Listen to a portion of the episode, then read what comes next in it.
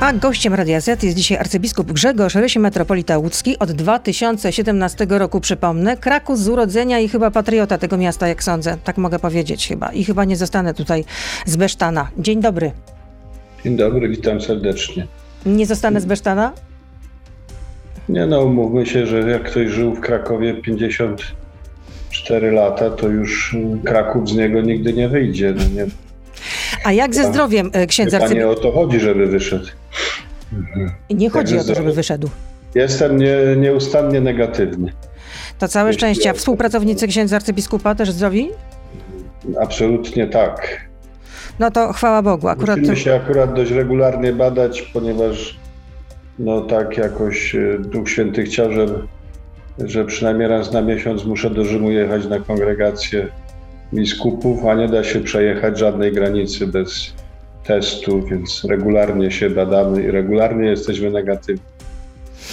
No, akurat e, województwo łódzkie jeszcze nie jest e, tym województwem najbardziej dotkniętym liczbą zakażonych. E, Mazowsze jest na pierwszym miejscu. Ponad 3,5 tysiąca zakażeń. Mm, No i toczy się dyskusja, czy zamykać kościoły. Zapewne ksiądz arcybiskup doskonale o tym wie. Dlaczego Kościół nie zgodził się na takie rozwiązanie? Ja nie wiem, czy ktoś e, się wprost kościoła pytał, każe mnie nikt. E, Były konsultacje. To trzeba pytać tych, z którymi były prowadzone. Ja powiem tak, że y, staram, robię wszystko, żeby były przestrzegane przepisy, jakiekolwiek wychodzą państwowe. Od samego początku pandemii, czyli już dobrze ponad rok, zawsze mówię, że ja nie jestem ministrem zdrowia, więc nie czuję się kompetentny, żeby ogłaszać stan taki czy inny i takie czy inne przepisy. Od tego są ludzie e, w tym kierunku kształceni, a ja jestem od tego, żeby w tych ramach, jakie są wyznaczone też przepisami, prowadzić e, e, ludzi do przeżywania wiary, a ten moment, który mamy, jest e, przeżyciem najważniejszym dla e, chrześcijanina, dla katolika. Prawosławni mają przesunięte trochę w czasie, ale dla każdego chrześcijanina e, wspomnienie śmierci i zmartwychwstania Pana Jezusa jest w ciągu roku najważniejszym absolutnie wydarzeniem. I oczywiście, gdyby było tak, jak było rok temu, że w kościele może być pięć osób, to by było pięć osób. I w tamtym roku przeżywaliśmy wszystko online, łącznie z rekolekcjami dla łodzi i e, no, trudno, żeby było inaczej. Natomiast są takie, a nie inne regulacje i robię wszystko, żeby e, nie tylko były przestrzegane, ale żeby były przestrzegane z sensem. Na niedzielę palmową napisałem taki pięciominutowy list do całej diecezji, e, w którym nie tylko właśnie piszę, że, ale dlaczego należy e, dostosować się do tych wszystkich regulacji i żeby te święta przeżyć w sposób sensowny, właściwy. Ale pozwolę sobie zauważyć, bo obejrzałam e, mszę koncelebrowaną przez e, księdza arcybiskupa w Niedzielę Palmową, no i zauważyłam, że jednak kilka osób nie było w maseczkach. To w takim razie rzeczywiście można to egzekwować tak e, bardzo ściśle? Da się to egzekwować musi- tak z to- ręką to na sercu. To chyba musiały być jakieś absolutne wyjątki, bo ja odprawiałem mszę świętą dla młodzieży, z którą spotykałem się przez sześć niedziel Wielkiego Postu i na wszystkich tych spotkaniach y, y, ci młodzi byli w, absolutnie wzorowi, gdy chodzi o stosowanie się do zasad. Być może ktoś był, nie wiem, nie widziałem, proszę mi wybaczyć. Znaczy, jak już się zaczyna liturgia, to jest y, trochę ważniejszych rzeczy od tego, żeby zobaczyć, czy każdy akurat w każdym miejscu się stosuje. Katedra jest dość duża. E, Jeśli tak było, to oczywiście rzecz naganna, natomiast y, przed tą Eucharystią ja się spotkałem z młodymi i osobiście tłumaczyłem, czego od nich oczekuję, jak mają usiąść w katedrze i tak dalej. Myślę, że y, każdy duszpasterz, który jest jakoś odpowiedzialny i i, i wrażliwy, to wykonuje taką pracę ze zgromadzeniem, któremu przewodniczy. E, Mam taką nadzieję przynajmniej. Natomiast też proszę dobrze zrozumieć, to znaczy Kościół nie jest y, strukturą państwową, która ma swoje policje, swoją policję, a najlepiej jeszcze więzienia i, i, i, i, i jakieś bardzo daleko pociągnięte pociągnięty system kar i nagród, żeby w ten sposób egzekwować rzeczy. No, postanawiamy, zalecamy, uzasadniamy, prosimy. Myślę, że dobrej woli na pewno trudno jest nam odmówić, a e, ja pamiętam, jak mój świętej pamięci profesor ksiądz Kracik mówił, że łańcuch jest zawsze tak silny, jak silne jest jego najsłabsze ogniwo, więc najsłabszym ogniwem w tym łańcuchu jest każdy z nas tak naprawdę, znaczy ja się albo stosuję, albo nie stosuję i to zarówno do zaleceń kościelnych, jak i państwowych, jakichkolwiek innych. Ale ksiądz arcybiskup udzielił dyspensy od e, obowiązku uczestnictwa e, we mszy świętej w niedzielę i świętach nakazanych do dnia 10 kwietnia wszystkim wiernym archidiecezji łódzkiej i osobom przebywającym w tym czasie na jej terenie. Czyli lepiej, żeby wierni jednak w tym roku uczestniczyli we mszy online? W nabożeństwach online?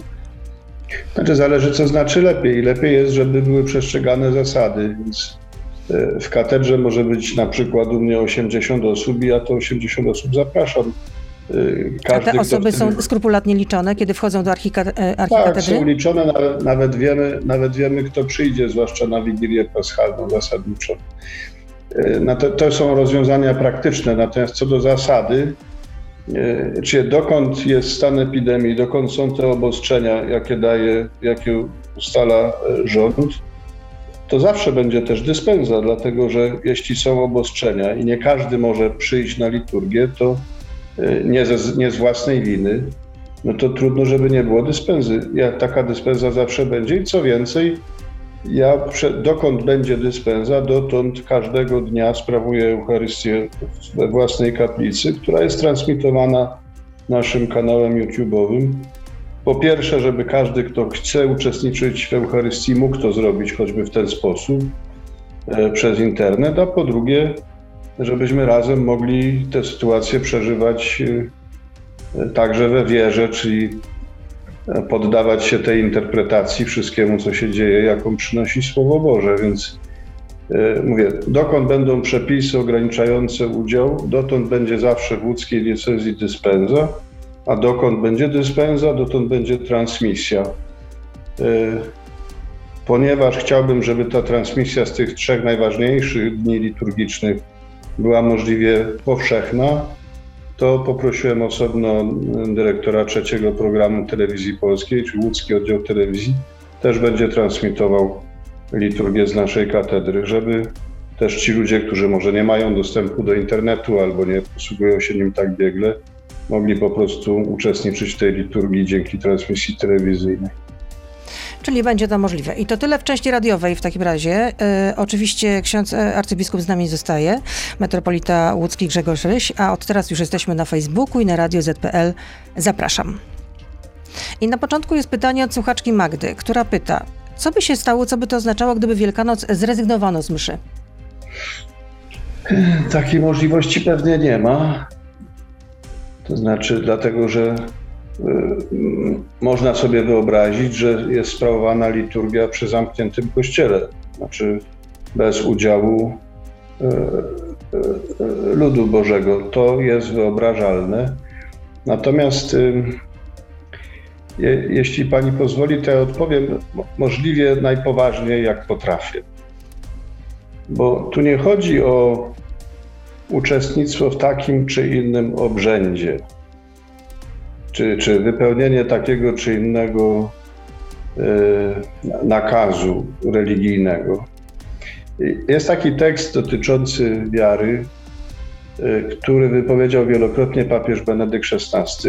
Mówił, że wiara nie jest decyzją etyczną, ani nie jest światopoglądem, tylko jest doświadczeniem spotkania z osobą Jezusa Chrystusa. Więc najgłębiej rzecz biorąc, ci, którzy chcą uczestniczyć w liturgii, to nie idą na jakąś piękną czy mniej piękną uroczystość, tylko idą, żeby się spotkać z osobą Jezusa Chrystusa, która dla nich jest osobą numer jeden w życiu. Więc jeśli porównywać e, zamknięcie kościołów do czegokolwiek, to ja bym porównał zamknięcie kościołów do zamknięcia ludzi w domu w ogóle i zakazu odwiedzania najbliższych sobie osób.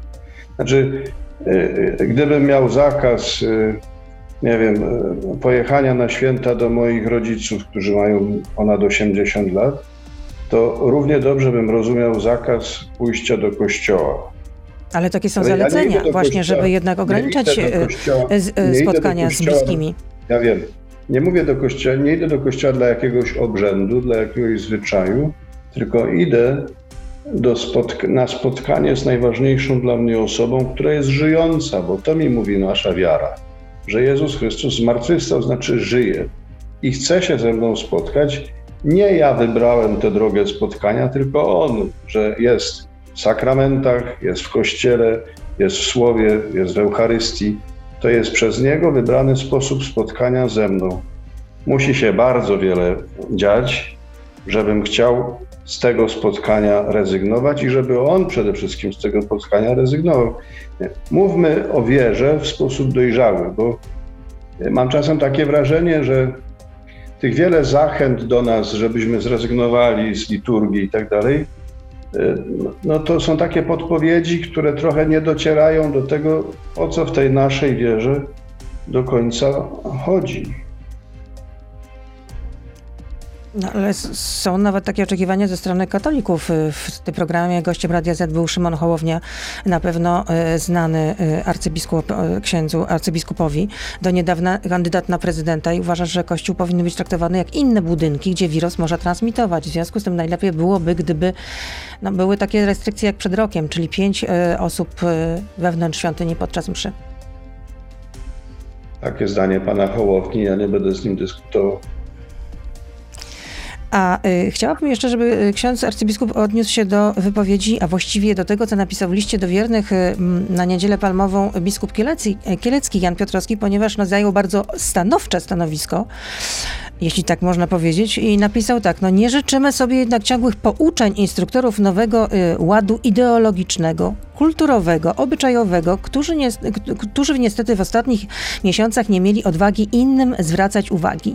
Kiedy powszechne, y, y, nie, chyba źle coś przeczytałam, którzy niestety w ostatnich, jeszcze raz, nie życzymy sobie jednak ciągłych pouczeń instruktorów nowego ładu ideologicznego, kulturowego, obyczajowego, którzy niestety w ostatnich miesiącach nie mieli odwagi innym zwracać uwagi, kiedy powszechnie łamano prawo. Jako katolicy nie jesteśmy obywatelami drugiej kategorii, a nasze parafie nie są korporacjami, ale żywymi wspólnotami wiary. Czy ksiądz arcybiskup się podpisał pod takim stwierdzeniem? Podejrzewam, że co do intencji, to tak. To znaczy, myślę, że rozumiem, co chciał biskup Jan powiedzieć. Staram się zrozumieć to w sposób pozytywny.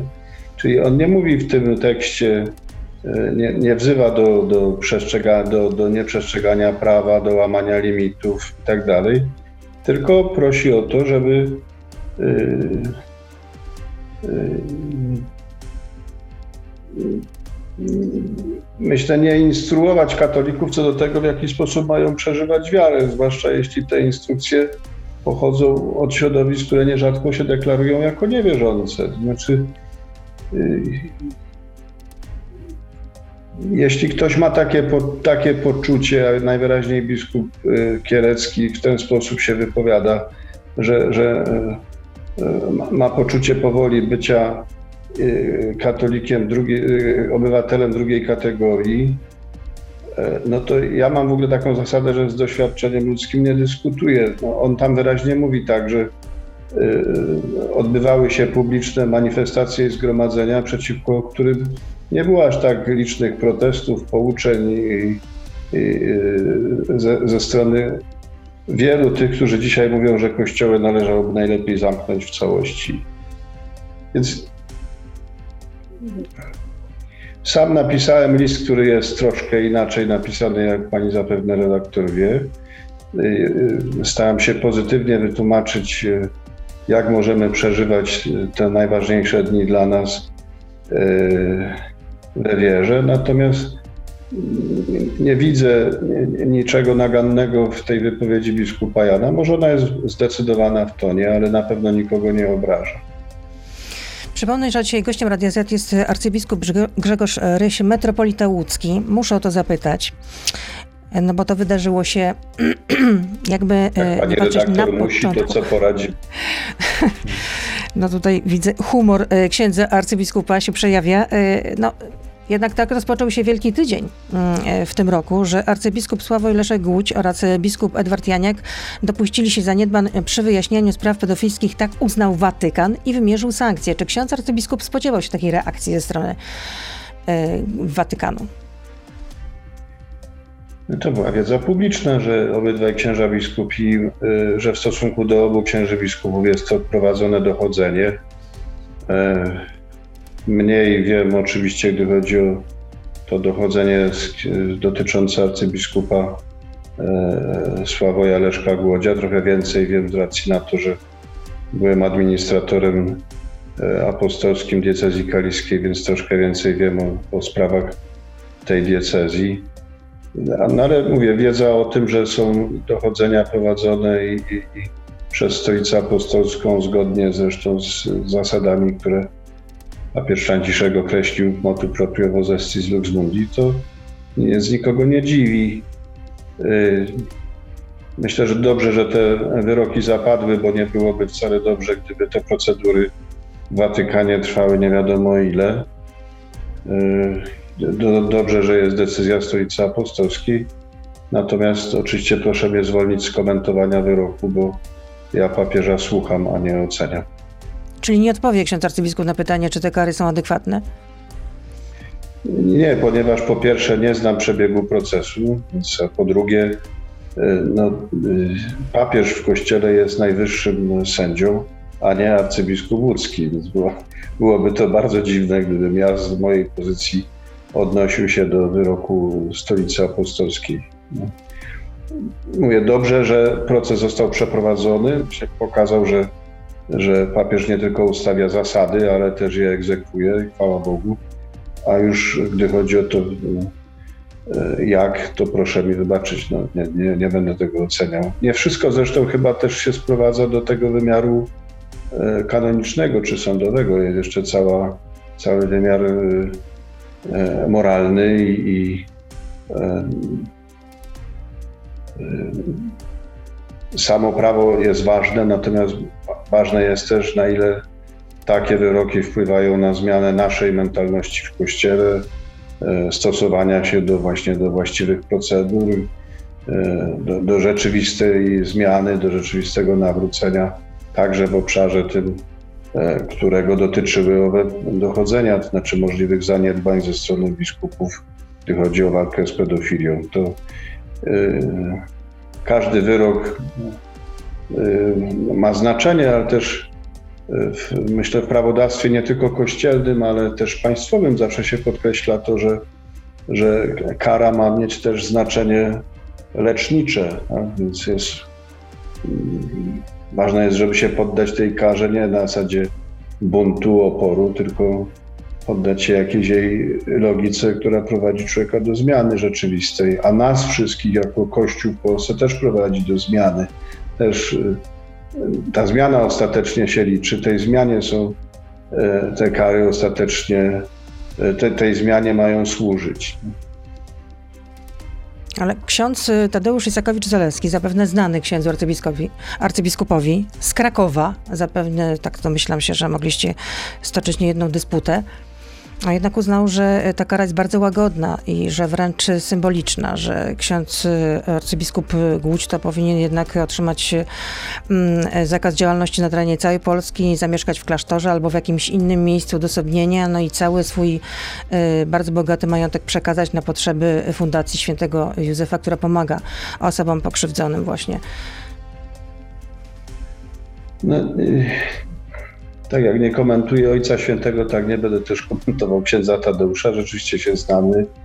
Myślę, że to, co powiedział, powiedział w dobrych intencjach, ale podejrzewam, że być może ma większą wiedzę na temat arcybiskupa Głodzia niż ja, ale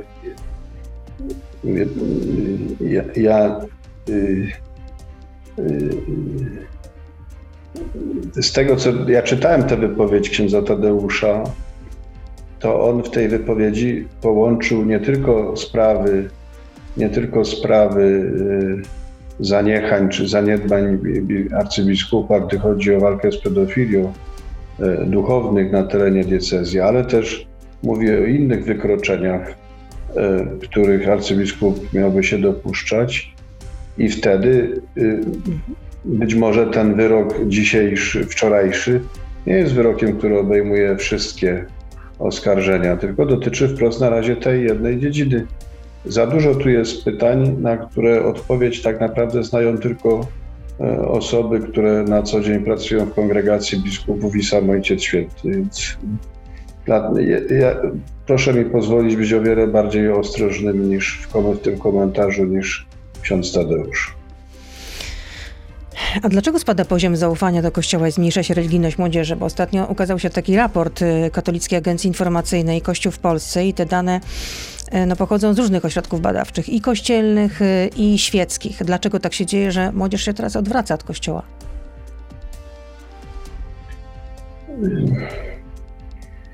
Wie pani co, ja jestem za długo księdzem, żeby, żeby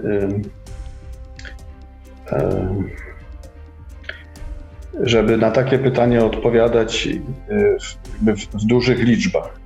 Znaczy, jeśli ktoś się odwraca od kościoła, to e, trzeba najpierw zapytać, co to oznacza. Czy to oznacza, że odwraca się też od wiary, czy zostawia też na boku tę najważniejszą relację, o której mówiłem, jaką dla mnie osobiście jest relacja z Jezusem Chrystusem.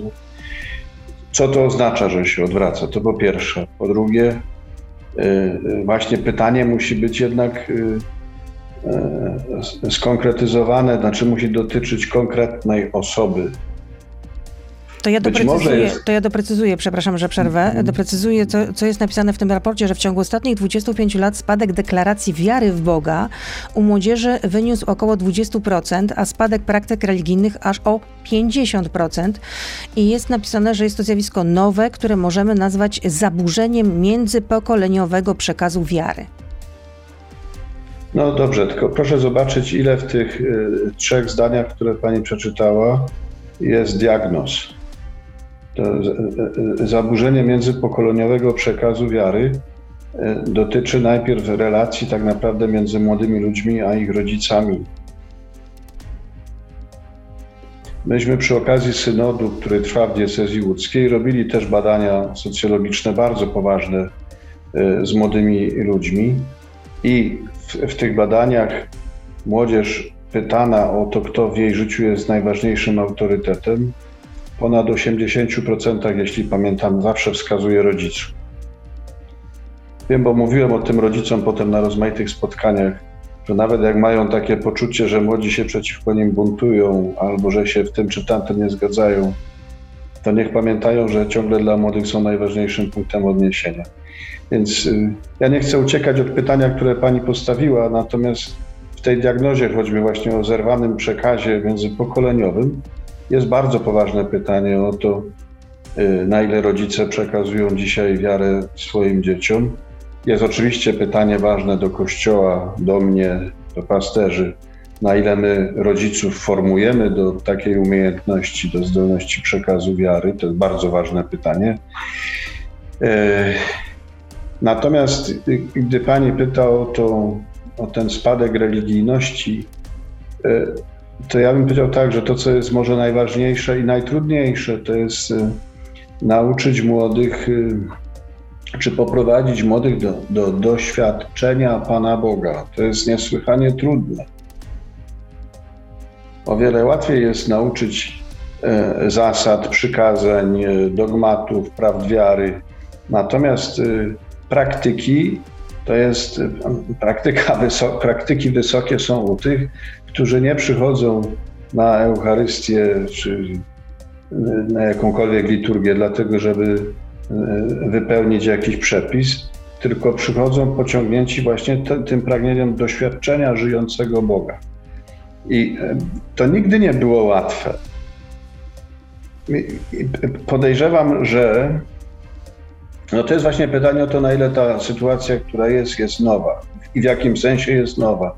Znaczy, y, czy ten ostatni czas, zresztą bardzo trudny pod wieloma względami, y, generuje nowe trudności, czy tylko albo także objawia już słabości wcześniejsze. Tak? Być może jest tak, że to, co zbieramy dzisiaj y, w tym odejściu od praktyk, wynika z wielu zaniedbań wcześniejszych, które sięgają lat, nie wiem, 5, 10, 15 lat wstecz, a może 20. Y, tu są, tu są potrzebne poważne jakieś e, zamysły, oczywiście wychodzące od tego, że, że, że czytamy rzeczywistość jaka jest, a nie jaką byśmy chcieli ją mieć. To, te badania, od których pani redaktor wyszła, są niesłychanie cenne, są ważne. Teraz myślę, że są potrzebne też kolejne, następne, które pomogą je pogłębić. Natomiast i, i wtedy dopiero będziemy też patrzeć, jaki jest potrzebny kolejny nasz, nasz ruch.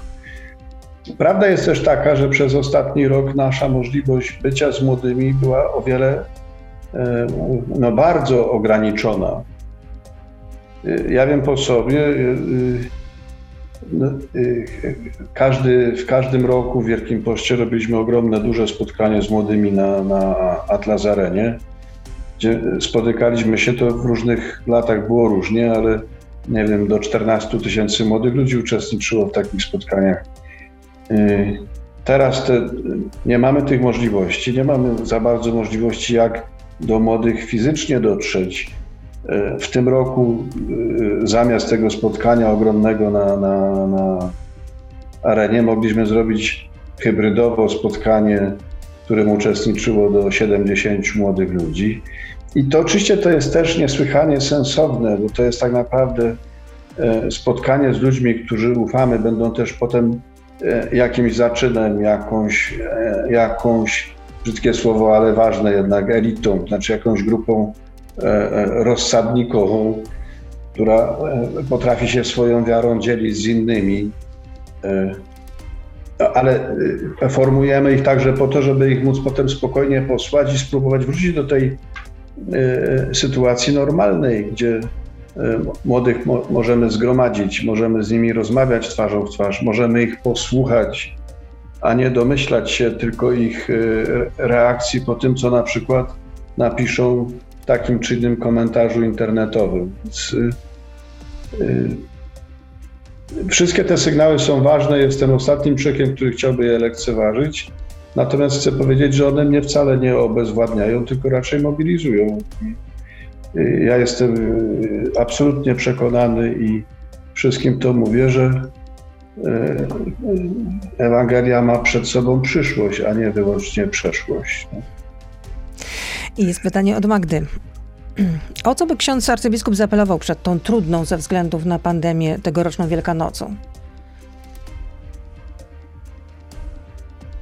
Zaapelowałbym o to, co już mówiłem, o to, żeby po pierwsze przestrzegać wszystkich zasad, żeby to czynić e, z miłości do ludzi, żeby to czynić e, rezygnując też nierzadko z tego, co jest, e, co bym chciał, bo by mi się inaczej marzyło, ale potrafię zrezygnować właśnie w imię miłości do drugiego człowieka. Natomiast równocześnie z tym bym apelował o to, żeby nie zrezygnować z tego, co jest istotą tych świąt, czyli z wejścia w tajemnicę śmierci zmartwychwstania Jezusa, żeby się każdy z nas zmierzył, czy to zrobi w kościele, czy to zrobi w domu, to jednak, żeby to zrobił, żeby się zmierzył z tym faktem, że jest ochrzczony i co to znaczy, że we chrzcie umarł grzechowi, że zmartwychwstał do życia Bożego. Znaczy, bez tego wszystkiego to my święta zredukujemy, nie wiem, do babki wielkanocnej i kilku jajek, albo może jeszcze lepiej zajączka, bo to zależy od, od E, estetyki. Natomiast y, święta mają w sobie absolutną treść i ta treść jest taka, że to Jezus Chrystus zmartwychwstały chce się z nami spotkać. Zrobi to mimo naszego zaskoczenia, bo tak to zrobił wtedy, za pierwszym, wtedy, lat temu 2000, kiedy zaskoczonych uczniów, przekonanych, że umarł i że ten rozdział jest zamknięty, jednak potrafił e, e, najść jako żyjący i, i, i, i uruchomić ich na nowo do, do kolejnego etapu życia, e, przekonać ich do tego, że żyje. Więc e, ja wszystkim na te święta w tym roku życzę, żeby się nie przestraszyli zmartwychwstania. żeby się nie przestraszyli zmartwychwstania. Zmartwychwstanie jest faktem, nie śmierć jest faktem. Można się bać zmartwychwstania, można się tak już uśpić jakkolwiek przeżywanej śmierci. Tak? Takiej apatii, rezygnacji, zniechęceniu, otępieniu. Można się do wszystkiego przyzwyczaić, w tym zasnąć i bać się, że, że przyjdzie Chrystus i mnie z tego wyrwie. Więc y, bardzo wszystkim życzę, żeby się nie bali konfrontacji z Jezusem zmartwychwstałym. Gdzie ta konfrontacja nastąpi, to pewnie w dużej mierze zadecyduje o tym sam Pan Jezus. Jest pewnie możliwa wszędzie, natomiast a, to nie oznacza, że, że nie zapraszam na liturgię e, tak przeżywaną, jak to jest możliwe. Czyli tych, którzy się zmieszczą w kościołach zgodnie z przepisami, to na liturgię. Prosiłem też y, y, wszystkich księży, żeby ta, ta oferta, oferta była dość szeroka, czyli te liturgie są sprawowane nie tylko w kościołach parafialnych, ale w kaplicach zakonnych, rozmaitych, więc tych możliwości jest, e, że, e, e, że można być na liturgii nie łamiąc przepisów, a tych, którzy się nie zmieszczą, zapraszam bardzo do poważnego udziału poprzez media do komunii duchowej z tymi wszystkimi wydarzeniami, które się w liturgii w znakach dzieją. Bardzo dziękuję za to spotkanie. Naszym gościem, gościem Radia Z był arcybiskup Grzegorz Ryś, metropolita łódzki. Dziękuję dużo zdrowia bardzo, życzę oczywiście. Dobra. Nawzajem. Nieustająco dużo zdrowia. Do usłyszenia, do zobaczenia i dobrych świąt. Z Bogiem. To był gość Radia Z.